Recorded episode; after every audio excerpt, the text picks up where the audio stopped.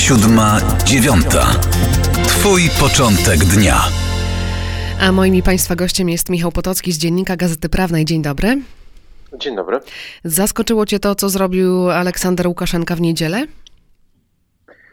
E, tak, rzeczywiście zaskoczyło, dlatego że no, czegoś takiego jeszcze nie widzieliśmy w, w historii w historii najnowszej.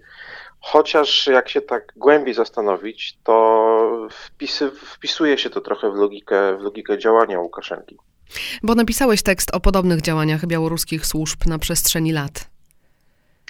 E, tak, e, napisałem tekst, w którym, w którym, w którym no po, po, pierwsze napisałem, po pierwsze przypomniałem sytuację zapomnianą trochę, bo bo dawno, z 95 roku, kiedy białoruskie lotnictwo rzeczywiście zestrzeliło obiekt powietrzny nad, nad Białorusią. To był wtedy balon uczestniczący w międzynarodowym wyścigu, którego wiatr zniósł nad, nad terytorium Białorusi. Wówczas e, ten balon został zestrzelony. Zginęło dwóch, dwóch amerykańskich sportowców, którzy, którzy nim lecieli. E, więc pogróżka, czyli te, te, te, doniesienia o tym, jakoby miano grozić e, pilotom, pilotom Ryanaira zestrzeleniem w razie, w razie niezawrócenia i niewylądowania w Mińsku, ona rzeczywiście mogła mieć, ona nie, nie musiała być taka zupełnie czcza. Mhm. I białoruskie służby zresztą też e, już do tej pory e, zdarzało im się działać transgranicznie, w związku z czym, w związku z czym e, rzeczywiście to się wpisuje w logikę działania służb, chociaż rzeczywiście no, ta akcja była na tyle spektakularna i na tyle, na tyle niecodzienna, że, że trudno było nie być zaskoczonym.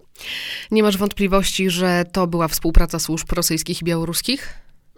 Myślę, że mogła być. My nie mamy na razie jeszcze pewności co do tego, ale biorąc pod uwagę, że wśród osób, które y, opuściły samolot w czasie międzylądowania i już na niego nie wróciły, żeby kontynuować podróż do, do Wilna, byli obywatele Rosji, których tożsamości na razie y, na 100% nie znamy. Pewnie ją poznamy, bo zwłaszcza Bellingcat y, dziennikarze z Bellingcata umieją takie rzeczy ustalać, więc pewnie wkrótce to się tego dowiemy, ale na razie tego na 100% nie wiemy. Natomiast wydaje mi się, że jak najbardziej tak, mogła to być współpraca z Rosjanami, tym bardziej, że wielokrotnie w przeszłości się zdarzało, że służby specjalne obu państw podejmowały, podejmowały wspólne działania, także wobec obcokrajowców. Kim jest Raman Pratasiewicz? Bo słyszymy opozycjonista, a ty napisałeś o nim więcej. To syn zawodowego wojskowego. To syn zawodowego wojskowego. Pewnie czasem się tak zdarza, że, że dzieci mają poglądy o 100% y, odmienne, czy o 180 stopni różne od poglądów rodziców, i do pewnego stopnia rzeczywiście tak było. Ojciec, jako, jako wojskowy, y, pracował na katedrze ideologii państwowej na Akademii Wojskowej w, w Mińsku, no, czyli był człowiekiem systemu, takim, takim, takim w najbardziej dosłownym rozumieniu tego słowa. To się zmieniło. To się zmieniło po wybuchu protestów. Ojciec zrezygnował z pracy i ostatecznie znalazł się w Polsce. Teraz syna całkowicie popiera. Wielu Białorusinów zmieniło swoje podejście do Łukaszenki w zeszłym roku, więc pewnie jego ojciec jest w tej właśnie grupie. Natomiast sam Raman Pratasiewicz on był y, blogerem, był fotoreporterem, współpracował w, w swoim młodym wieku, 20, 26 lat skończył mm, niedawno w maju, y, współpracował z wieloma białoruskimi niezależnymi mediami. Y, jego koledzy mówią, że miał świetny instynkt taki dziennikarski, fotoreporterski. Wiedział, gdzie pójść, w jakim miejscu stanąć, w jakim miejscu się znaleźć, żeby, żeby zdobyć informacje, żeby zrobić dobre zdjęcia. I zresztą w Grecji, chociaż był na urlopie, to też przy okazji obsługiwał fotograficznie wizytę niedawną Światłany Cichanowskiej. E, natomiast, e, natomiast w Warszawie e, Pratasiewicz zaangażował się w projekt Niechta. To jest taki kanał na Telegramie, popularnym na Białorusi komunikatorze internetowym. I za pomocą Niechty Białorusini w ubiegłym roku to był jeden z podstawowych źródeł, jedno z podstawowych źródeł informacji dla zwolenników opozycji. I dlatego znalazło się na celowniku władz. Za Pratasiewiczem, który był tam redaktorem naczelnym oraz za założycielem Niechty, Ściapanem Puciłą, wysłano, wysłano listy gończe, postawiono im zarzuty. I właśnie prawdopodobnie dlatego, dlatego władze białoruskie skorzystały z okazji, że w tym samolocie znajdował się akurat Pratasiewicz, żeby spróbować go ściągnąć. Natomiast z drugiej strony Pratasiewicz nie jest absolutnie pierwszoplanową figurą opozycji czy mediów opozycyjnych.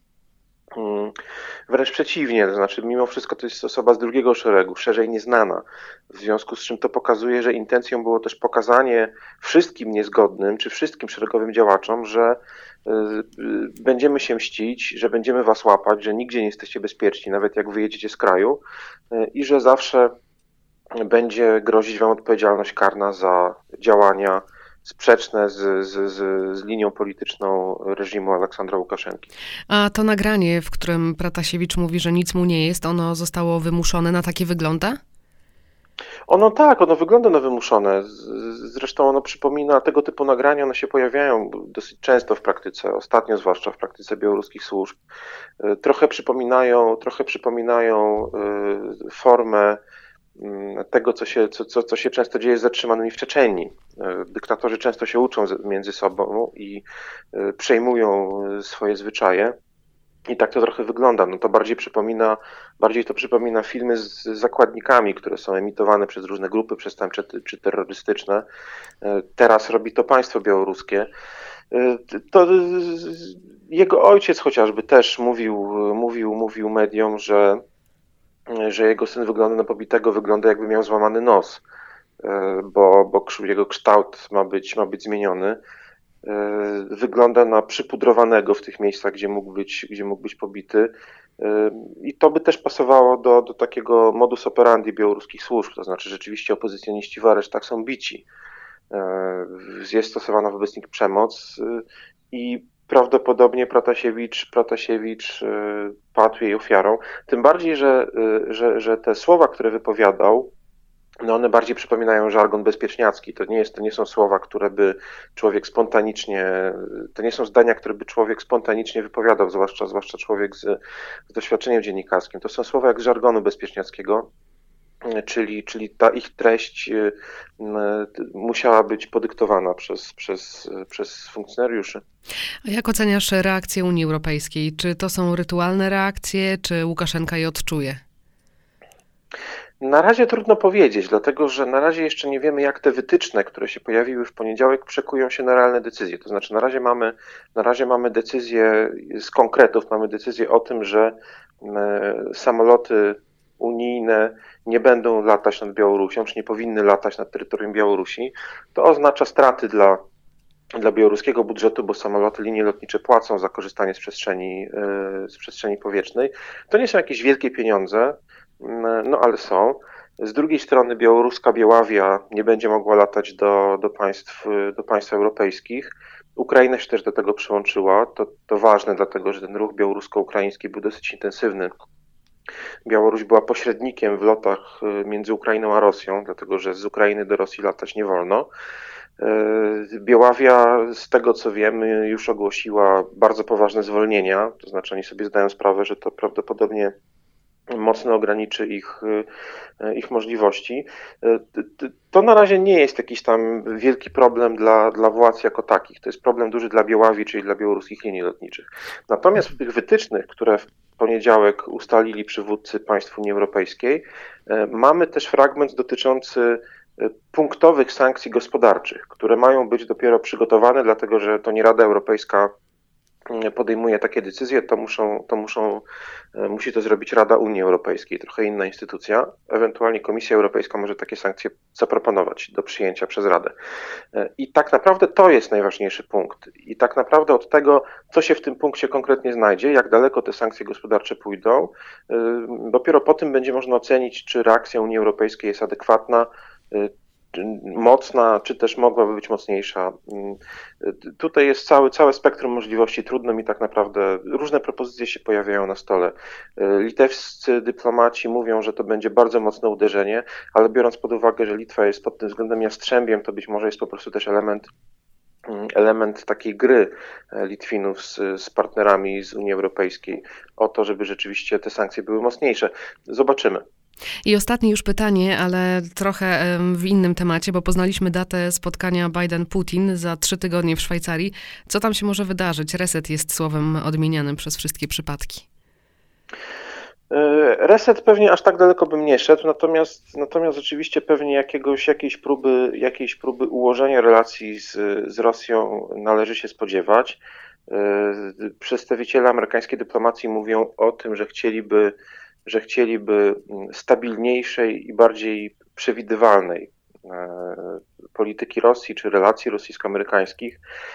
Spektrum tematów jest bardzo szeroki. Od Nord Stream 2 które, które, które, które, co do którego Amerykanie właśnie zrezygnowali z poszerzania, z poszerzania sankcji w ramach takiego gestu, jak rozumiem, przed spotkaniem z, z Rosjanami, no co jest pewnym sukcesem Kremla. Poprzez Ukrainę, poprzez Bliski Wschód, cyberataki, ingerencje rosyjskie w wybory, pewnie temat białoruski, Pewnie to wczorajsze niedzielne, niedzielne lądowanie Ryanaira w Mińsku też będzie, też, te, też będzie poruszone. Z drugiej strony Rosjanie oczekują wycofania się Rosji, wycofania się Amerykanów z zainteresowania tutaj naszym regionem, przede wszystkim Ukrainą, więc ten, ten, ten protokół rozbieżności jest bardzo szeroki, dlatego ja się nie spodziewam nie, się nie spodziewam takiej skali resetu jak za czasów Baracka Obamy, bo po prostu czasy są, te relacje są dużo gorsze niż były wtedy u progu poprzedniego resetu. Natomiast no, oczywiście z, z pewnym niepokojem e, i zainteresowaniem będziemy na to spotkanie Bidena z Putinem w Genewie e, czekać. I komentować pewnie na naszej antenie też. Michał Potocki z Dziennika Gazety Prawnej był gościem poranka 7.9. Dziękuję. Dziękuję serdecznie, do usłyszenia. Siódma dziewiąta. Twój początek dnia.